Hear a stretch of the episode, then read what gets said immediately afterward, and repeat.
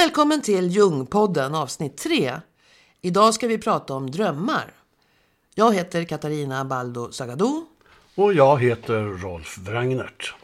Tillsammans gör vi Sveriges kanske allra smalaste podcast om livets riktigt stora frågor. Vi gör den med stöd av Svenska C.G. Jung-stiftelsen i Stockholm. Men du som lyssnar kan också bidra. Gör det. Gå in på culturecrowd.se och sök på Jungpodden. Det förra avsnittet handlade om vår tids längtan efter auktoritära ledare. Lyssna gärna på det. Finns på Youtube, iTunes, Soundcloud och på baldoreportage.com. Och där finns också det allra första avsnittet, det som handlar om Carl Gustav Jungs eget liv. Idag ska vi alltså fördjupa oss i våra drömmar, kungsvägen till vårt inre. Och det har ju människan vetat mycket länge. Ta Josef, Jakobs son ni vet. En av Bibelns allra kändaste gestalter vid sidan om Jesus själv. Josef blev, som de flesta redan vet, utsatt för trafficking som barn. Det var ju hans egna bröder som sålde honom som slav. Men som vuxen fick han en rejäl revansch. Vilken klassresa! Att bli drömtydare åt självaste farao i Egypten. Och det är förmodligen en sann historia som det brukar heta. Nästan 4000 år gammal. Så här gick det till enligt Första Mosebok kapitel 41. En natt drömde farao att han stod på Nilens strand när plötsligt sju välmående feta kor kom upp ur floden och började beta i gräset. Sedan kom sju andra kor upp ur floden. Men de var så magra att alla revbenen syntes. De gick fram och ställde sig bredvid de feta korna. Sedan åt de magra korna upp de feta. I samma ögonblick vaknade farao. Snart somnade han igen och hade ännu en dröm. Den här gången såg han sju sädesax på ett strå och varje korn var välformat och fylligt. Plötsligt visade sig ytterligare sju ax på strået men dessa var tunna och svedda av den östliga vinden. De tunna axen svalde de fylliga, välformade axen. Då vaknade farao igen och förstod att allt sammans bara var en dröm. Följande morgon blev han mycket oroad över vad drömmarna kunde betyda. Han kallade på alla trollkarlar och spåmän i Egypten och berättade om drömmarna för dem, men ingen kunde komma på vad de betydde.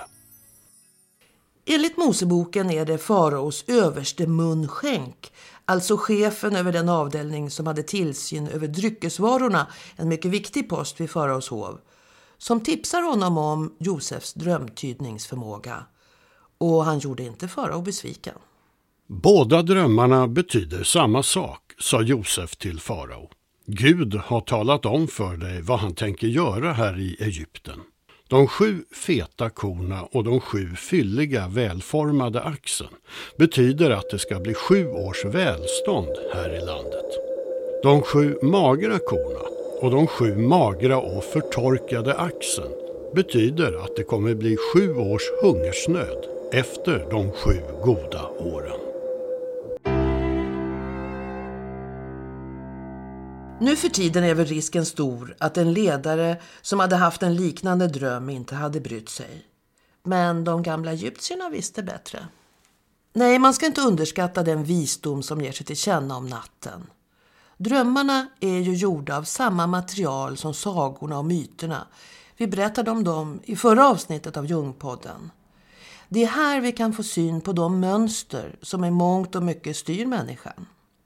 Carl Gustav Jung kallade dem arketyper, urbilder. Genom årtusendena har de här mönstren blivit en del av den mänskliga naturen. Vi är inte alltid medvetna om dem, men de finns, inte minst om natten och i kulturen.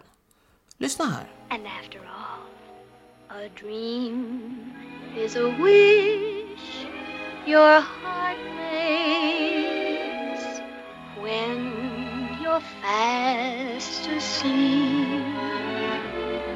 In dreams you will lose your heartache, whatever you wish for, you keep.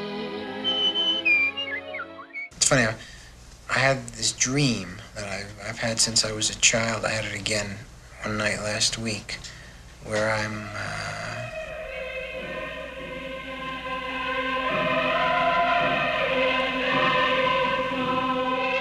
Ja, ni kände väl igen Askungen och Woody Allen? Och här kommer drömscenerna ur Spelar man på taket, Fiddler on the Roof, Sopranos och Hitchcocks Spellbound, Trollbunden. So, now, tell me what you dreamt, and, and I'll tell you what it meant. It was terrible. Tell me. All right. Only don't be frightened. In the beginning, I dreamt that uh, we were having a celebration of some kind. Everybody we knew, all of our beloved departed, were there.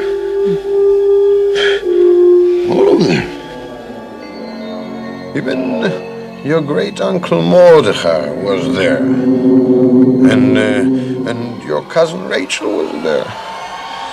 And in the middle of the dream, in walks your grandmother Zeitel, may she rest in peace. Grandmother Zeitel? You know, douchebag, I realize I'm dreaming. I got no opinion, one way or the other. Anybody mind? What? Where are we going? Driving you to the job. He was leaning over the sloping roof of a high building. It was the man with the beard. I yelled at him to watch out. Then he went over, slowly, with his feet in the air. And then I saw the proprietor again, the man in the mask. He was hiding behind a tall chimney, and he had a small wheel in his hand. Saw him drop the wheel on the roof.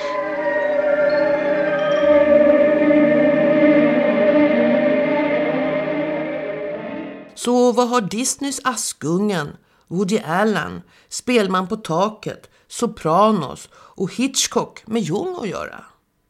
Mer än man kanske kan tro. Hans egna skrifter är ganska svårlästa. Men i en bok som heter Privata myter förklarar Anthony Stevens, medicinedoktor i Oxford och framstående psykoanalytiker och författare, vad det är som händer med oss när vi sover, enligt Jungs tänkande. Var natt träder vi in i ett mystiskt rike. En mörk, uråldrig labyrint befolkad av våra förfäders gudar och andar.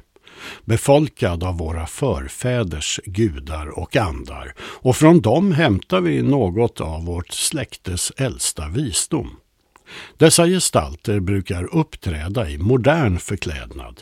Men de nya myter som våra drömmar skapar av dem är mänsklighetens gamla myter framställda i modern dräkt. Det är inte ovanligt med forskare som koncentrerar sig på drömmarnas neurofysiologi men förnekar att de skulle ha en psykologisk mening. De liknar ingenjörer som sysslar med tv-apparatens teknologi men inte intresserar sig för programmen. Jag skulle tro att lekmän i regel inte är så trångsynta. Men många kanske behandlar sina drömmar som en tv-apparat som står på i hörnet av ett rum utan att någon tittar. Programmet ger dem inte mycket, annat än på det omedvetna planet. Eftersom de inte har någon uppfattning om vad det handlar om bryr de sig inte om att ge den uppmärksamhet som behövs för att ta reda på det. Men därmed kastar de bort en värdefull tillgång. För genom att lämna drömmarnas resurser outnyttjade gör vi betydande personliga förluster. Genom drömmarna kan vi komma åt den mänskliga upplevelsens djupaste nivåer och därmed bidrar de till vår hälsa och personliga utveckling samtidigt som de gör oss mer direkt medvetna om vad det betyder att vara levande. Ja, i drömmen talar alltså den två miljoner år gamla människan som finns inom oss alla, som Jung sa. Och det var en dröm han hade sommaren 1909 när han var på föreläsningsresa med Freud i USA som gjorde att han själv blev övertygad om att arketyperna och det kollektivt omedvetna faktiskt finns. Jung drömde att han var på första våningen i ett gammalt hus med fina möbler och vackra målningar på väggarna. Han blev själv imponerad över att han bodde så bra och han tänkte, inte illa. Men så kom han på att han inte visste hur det såg ut en trappa ner. Och när han kom ner såg han att allt var mycket äldre där och mörkt. Han tänkte, nu måste jag verkligen utforska hela huset. Han tittade på golvet och upptäckte en stenplatta med en ring. När han drog i den öppnades en lucka och han såg en smal trappa som försvann ner i djupet. Där nere fanns en grotta. I dammet fanns benknotor och sönderslagna kärl som rester av en primitiv kultur just. Där fanns också två människoskallar, halvt sönderfallna. Sen vaknade han. Freud ville genast veta vilka de där två, de där två skallarna kunde ha varit. Men Jung tänkte att det han hade sett i drömmen var en bild av psyket. Bottenvåningen representerade det personligt omedvetna. Klippgrottan det kollektivt omedvetna. Alltså det omedvetna fält som vi delar med alla andra människor. Märk väl, de bilder vi ser när vi drömmer är inte metaforer utan levande verklighet. Låter det konstigt? Här ger Michael Conforti, en jungiansk analytiker från Brooklyn, ett exempel. Anyway, there's somebody had a dream once of a, of a lungfish. I asked the patient, "Do you ever hear of a lungfish?" And he said he never heard of a lungfish. I never heard of a lungfish. Right? Never heard of it, right? En person drömde om en lungfisk. Jag frågade patienten, vad vet du om lungfiskar? Ingenting. Och jag hade inte heller en aning. Lungfiskar, det visste jag ingenting om. Så hur skulle vi handskas med drömmen? Lungor, andas, springa, röka. Vi tänkte på allt som har med lungor att göra. Men allt vi kom på föll platt till marken som en pannkaka. Det funkade inte. Så jag sa, vet du vad? Vi måste ta reda på mer. Finns det överhuvudtaget något som heter lungfisk? Om drömmen ger oss den här bilden, varför inte tyda den? Jag ringde en man som är chef för ett akvariemuseum. Jag sa, jag har en lite konstig fråga men jag är psykoanalytiker och jag har en patient som drömde om en lungfisk. Vad vet man om dem? Och han sa, det råkar vara så att vi just nu har en utställning om lungfiskar. Det är väldigt ovanligt men så ligger det till. Killen var helt fantastisk. Han gav mig en 20 minuters föreläsning om lungfiskar. Han sa Lungfiskar är de enda fiskar som kan överleva utanför vatten. De klarar sig i båda världarna. De kan leva i vatten och de kan leva på land. And he said lungfish are one of the only fish in history of fish and what do you call the other amphibians, I guess, whatever, that could go in both worlds. They can go in the water and they can go on land. They go on land, you know when they do it? Times of adversity. When everything dries up in the savannas or in Africa and all the things, it's really dry. And what happens? Så vad betyder det här? Drömmaren hade ju ingen aning om lungfiskar. Men de här eviga bilderna finns i ditt psyke vare sig du vet om det eller inte. Vi kan göra som mannen som letade efter sin nyckel där lampljuset var bäst. Alltså leta bland det vi känner till. Eller vi kan göra det jobb som Jung lärde oss, nämligen studera det som kommer fram i drömmen. För om drömmen ger oss en bild är det något i bilden vi behöver. Så hur gör man? Ofta minns vi ju ingenting. Vi vaknar kanske på morgonen och vet att vi har drömt men precis när vi ska ta fatt i drömmen så är den borta. Så är det i alla fall för de flesta. Men det går att träna upp sin lyhördhet inför drömmens värld.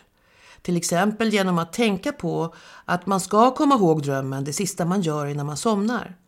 och genom att ha penna och papper till hands precis vid sängen. Ligg gärna kvar också i sängen och blunda. Försök att låta bli att tänka på annat. Försök så att säga att backa bandet tillbaka till läget du var i innan du vaknade. Och ha tålamod. Pensavo a una serie di sogni dove niente diventava realtà. Tutto resta dove è stato ferito fino al punto di non muoversi più. Pensavo a niente di niente.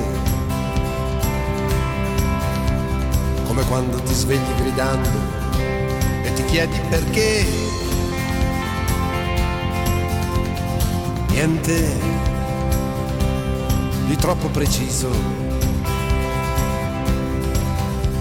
Solamente dei sogni così. Solamente una serie di sogni. Senza metrica. I den här Dylan-låten som i original heter Series of Dreams beskriver nobelpristagaren just det tyngdlösa och tidlösa tillstånd som vi befinner oss i i drömmen. Där det som Francesco de Gregori sjunger här inte finns någon utgång utom den som vi inte kan se med våra ögon. Och där korten som du håller i handen inte är något vidare om de inte kommer från en annan värld. Den världen kan förstås ungefär på samma sätt som den förre ärkebiskopen KG Hammar rådde människor att läsa Bibeln. Inte bokstavligt som en ingenjör läser och tolkar en konstruktionsritning, utan poetiskt och associativt. I en färsk dokumentär av Thomas Jackson, Sök och du ska finna, och den finns på SVT Play, beskriver journalisten Erik Skylt och idéhistorikern och entreprenören Per Johansson den annorlunda verklighet som vi talar om här. Alltså jag har alltid känt som att det finns en del av mig som jag inte kan prata om.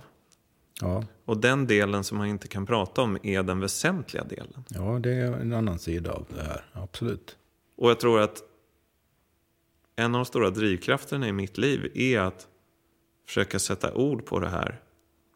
Det okända inom mig. Som på ett sätt är så fruktansvärt tydligt. Men som varje gång jag försöker benämna det eller berätta om det så faller det isär. Det, jag brukar tänka så här. Allting är fantasi. Allting är fantasi.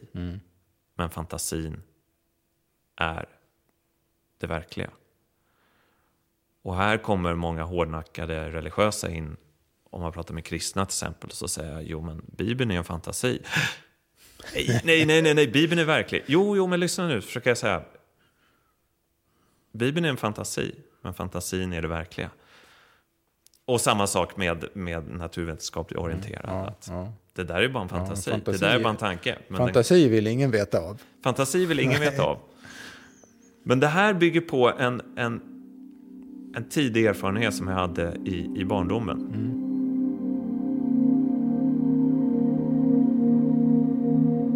Det var att jag var hemma hos min kusin. Jag var kanske sex eller sju år gammal. Och sen så såg jag en bok i hans bokhylla. Och jag kunde knappt läsa vid den här tiden. Men bara framsidan på den boken förtrollade mig så mycket. Det var som att den, den lockade på mig. Den lockade mig. Den, det, det, det var något magiskt över den boken. Mm. Jag var tvungen att plocka ner den och jag tittade länge, länge på framsidan. Och jag kände att den här boken måste jag läsa. Och det var den här boken. En bok som jag hittade här i biblioteket. Sagan om ringen, ja. Och det som hände var att min mamma började läsa boken och sen efter ett tag lärde jag mig själv läsa och så tog jag över och sen läste ut allting. Men det var, det som hände då har jag burit med mig sedan dess. Och det är det här som är den stora upplevelsen som är så svår att sätta ord på. För den går att berätta om. Men det är väldigt, väldigt svårt att förklara djupet i den. Mm. Allvaret i den. Att det är på riktigt. Och det som är på riktigt är att jag befann mig i den världen. Så länge jag läste. Jag var där. På riktigt. Jag har gått genom de skogar som boken berättar om.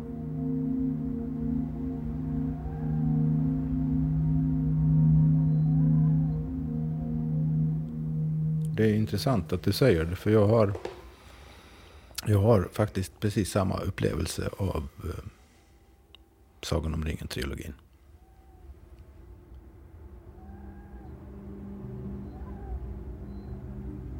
Jag kan fortfarande idag, många år efteråt, att jag första gången läste just Sagan om ringen. Jag kan fortfarande uppleva ibland när jag promenerar i bokskogarna i Skåne där jag bor, att det är en sorts dubbelexponering. Att egentligen går, går jag omkring i Los Lorien. Och jag skulle inte bli förvånad om Galadriel plötsligt dök upp. Och undrar vad gör jag här? Vem är du? Ja. Liksom. Allvar, jag menar, alltså allvar det låter ju löjligt på ett plan. Men det, det, är, det är som en sorts dubbelexponering. Det är som, det är som om, om, om, om man via de här böckerna har man kommit att erfara verkligheten på ett sätt. Eller på ett plan som, som känns verkligare än, än, än den så kallade vardagen. Ja, Erik Skylt och Per Johansson slår fast att fantasin är lika verklig som verkligheten. Och fantasin är ju granne med drömmen. Den är också i högsta grad verklig. När jag vaknar genomsvettig av en mardröm är jag inte mindre ankommen än om jag hade varit med om det där hemska mitt på dagen. Så det är egentligen väldigt konstigt att vi inte tar våra drömmar mer på allvar än vi gör. Jungs metod för att förstå drömmens budskap är att vidga den, göra den större, så att motivet framträder i ett klarare ljus. Den israeliska analytikern Erel Shalit visar hur det kan gå till. For example, after a year in analysis, a 50 year old, highly successful male CEO dreamt the following. Efter många år i psykoanalys drömde en man i 50-årsåldern som var en mycket framgångsrik VD följande dröm. Det är på natten. Jag mjölkar en ko, men det kommer ingen mjölk. Då hör jag en inre röst som säger åt mig att föra kon till ingången till Jerusalem, begrava den i en grop och låta den koka i många timmar eller kanske till och med dagar för att sedan ta med kon hem igen. Och väl hemma var vi tvungna att springa efter nya hinkar för att den gav så mycket mjölk. Dagarna efter att mannen hade drömt kodrömmen vidgade han den genom att gå igenom sin dröm i ett tillstånd mellan vakenhet och dröm och spinna vidare på drömmen, göra den större. Sedan skrev han ner sina intryck. Så här börjar hans anteckningar. Det är på natten och mycket mörkt. Det är inte jag som hittar vägen, jag blir ledd. Jag kan inte föreställa mig själv mjölka en ko, men okej, okay, jag accepterar. Kon är jättelik, större än riktiga kor, majestätisk. Hon rör sig inte. Jag börjar mjölka men det kommer ingen mjölk. Jag vet inte vad jag ska göra. Anstränga mig mer kanske. Jag frågar kon men hon svarar inte. Hon bara stirrar tillbaka som om hon anklagade mig. Sedan hör jag den där rösten och jag vet inte varifrån den kommer. Den är stark och mjuk. Den är nästan som en viskning men samtidigt mycket tydlig och genomborrande. Det är tydligt för mig att rösten vet något som jag inte gör. Och jag gör som rösten säger. Jag börjar gå mot Jerusalem. The images we could explore by amplification would then be the cow, the absence and then the abundance of milk, the inner voice that speaks to the dreamer. Ja, så vilka bärande bilder finns det i den här drömmen? Erel Shalit föreslår kon, mjölken, rösten som talar till drömmaren, Jerusalems stadsport, gropen där kon kokas och skugggestalterna som håller till där vid stadsporten. Eh, vad, vad, säger det här till dig, Roffe? Ja, det jag tänker på det är ju att det är ett problem med att kon inte ger mjölk. Mm. Den här mannen är ju VD för mm. någonting. Det är någonting som inte fungerar. Och han får den här rösten av att, ska man säga, söka hjälp. För att få eh, kon eller sin verksamhet fruktbar. På mm. något någonstans så eh, måste han ta den till en stad där folk finns. Det kan vara hans fabrik eller vad det nu är han är vd för. Och eh, lyssna på, på människor på något sätt för att få, ja det blir den här rösten också. Mm. Som talar om för honom, ganska myndigt då, att nu, nu ska du göra på det här viset. Det, hans inre röst, du måste ta hjälp. Eh, och då kommer saker och ting bli fruktbart. Det är ungefär de huvuddragen mm. som jag ser mm. i det här. Utan att kunna någonting om själva symboliken med att det är just Jerusalem, start, stadsport och så vidare. För Erel Shalit så är det ju så här att kon här är en av de stora nycklarna. Och om man ska tänka nu på, vi pratade om eh, lungfisken och det här tidigare, alltså att, att eh, de här symbolerna, de här arketyperna som kommer upp verkligen är sanna. Vad gör man då? Ja, men då måste man titta så här. Kon, vad är det i vår mänskliga historia? Vad står kon för? Eh, säger det dig någonting, kon? Ja, jag tänker ju på att kon är, är helig. Kon mm. är vårt stora nyttodjur, ett av de få djuren som vi tämt, som ger oss mjölk, som ger oss näringen, eh, allting att det måste finnas en ganska stor innebörd med att den här, det här är ett nyttodjuret mm. som ger oss både kött och mjölk för att kunna överleva. Och det måste vi ta hand om. Dör mm. kon, dör vi. Men kon är också den stora symbolen för kvinnligheten. Du sa helig kor. Och, eh, mm, för det här är, så intressant för att man tänker så här. Freuds sätt att eh, tolka drömmar är ungefär så där som du gjorde nu. Man associerar fritt. Ja. Och då menar Jung så här, nej, då kommer man bara till det man redan vet. Eh, man kan ju bara ta upp det man redan vet. Medan om man tar reda på vad är kon i människans historia symboliskt sett? Då hittar man ganska snart att de tidigaste kulturerna, där kon var helig, ta Kreta och ännu längre tillbaks, då är det den stora modern. Det är, du var inne på det lite grann, men vi tar reda på mer så får vi reda på att kon är kvinnligheten. Det är, det är födande, växande, alltihopa det där. Och då kan man tänka så här, en ko som inte ger mjölk. Och sen man som är VD. Han har... Kon sinar, den är inte fruktbar längre. Vad, vad har han gjort åt sin kvinnlighet? Till exempel sin eh, förmåga att ta hand om andra, du vet. Alltihopa det där. Mm, mm. Det är avstängt. Just det. Och det är också kreativiteten. Mm, mm. den är snöpt. Så det är ganska intressant om man tittar på vad bilderna verkligen betyder. Man får man börja forska kring sina bilder, du vet så här. Mm. Men om han skulle koka kon, det, är ganska brutalt. Mm. Man tänker ju så att den, nu överlever ju mm. den. Vad kan det betyda? Mm. Finns det någonting i tillagandet där eller någonting i arketypen? Ja, Erik Shalit, eh, när han berättar om den här drömmen, föreslår att ja, men mannen blir ju han har ju en inre röst, alltså det finns en kunskap inom honom om att det här är något fel som du sa. Men han, blir ju, han får ju lov att vara passiv här. Och vänta i mörkret medan kon kokar i timmar. Han bara sitter och tittar på de där bubblorna. Det här är en aktiv person som alltid bestämmer vad han ska göra. Han måste sluta med det hela tiden. Att han måste ju lära sig vara passiv, vänta in, lyssna inåt. Det här är en process som tar tid. Och den går inte att skynda på. Så, så ungefär funderar han kring det här. eh, Och jag tycker det är ganska intressant. Eller vad, vad säger du? Eh, Väldigt intressant. När man går tillbaka till att hitta de här arketyperna Mm. i det hela. Förutom, det ska vi säga, det mer händelseförloppsrelaterade tolkningen Mm, av drömmen. Eh, så öppnar det fler nycklar.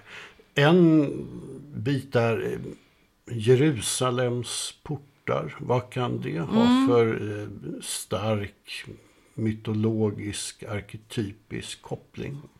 Ja, han, han säger, El Shalit säger att enligt, som, ja, han är ju van att jobba med de här arketyperna. Så säger han där i sin tolkning att eh, här pratar vi inte om den världsliga Jerusalem liksom. Men det handlar ju om en helig plats i alla fall.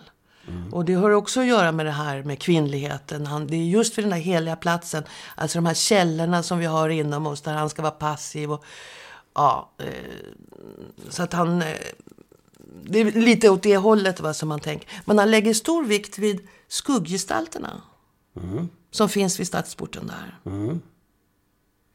Och då, och vad tänkte du? Fick du någon, någon tanke kring dem? För de förekommer på två ställen. Först när han kommer till stadsporten. Och sen också på slutet när de hjälper honom med hinkar och så när det blir... Ja, jag tänker på att han ska lyssna på medarbetare och människor Mm. runt omkring sig som har varit stumma och bara ses av honom som skugggestalter. Mm. Att det här är personer som faktiskt kan hjälpa till. Mm. Eh, Att man inte ska förtingliga människan Mm. runt omkring som man ser. Utan det är också personer som kan ge kraft åt, Ja, just det. det här. Som man nu vill upp, utföra. Ja, just det. Sh- Shalit, när han pratar om det så tänker han mer som aspekter hos drömmaren själv. Att alla de här som vi möter i drömmen egentligen är aspekter av oss själva. Mm. Och då skulle man kunna tänka att det här är sårbara sidor hos den här mannen. Du vet, som han aldrig har släppt fram. Alltså du vet, ja. Den här att vi är, ju, vi är ju absolut inte välklädda och perfekta hela tiden med slips och kostym. Utan de här andra, vi har ju tiggarsidor. Vi har sårbara sidor. Vi har, och de är förtryckta hos den här mannen. Men det är när han lyssnar på dem. Som hans person blir mer kreativ och mer, du vet. Mer hel. Ja, mer hel, ja. Och eh, ja, att man lyssnar och tar fram alla olika ska vi säga, facetter av Mm. sig själv som man då har. Ja, just det. För det blir ju obalans. I början är det ju obalans för att det kommer ingen mjölk. Det är ju då den här snöpta kon och och det är stängt liksom. På slutet är det ju obalans därför att det kommer för mycket av den där kraften. Men då kommer, måste de där sårbara sidorna också komma till hjälp. Vi måste hitta någon slags balans. Va? Det måste vara lite lagom av allting. Inte för mycket. För då skulle han ju inte kunna arbeta om man bara ska sitta där och, och be och sådär. Han ska ju ett företag att sköta också. Så att den yttre världen måste vara balans. Men det är en stark dröm. Mycket.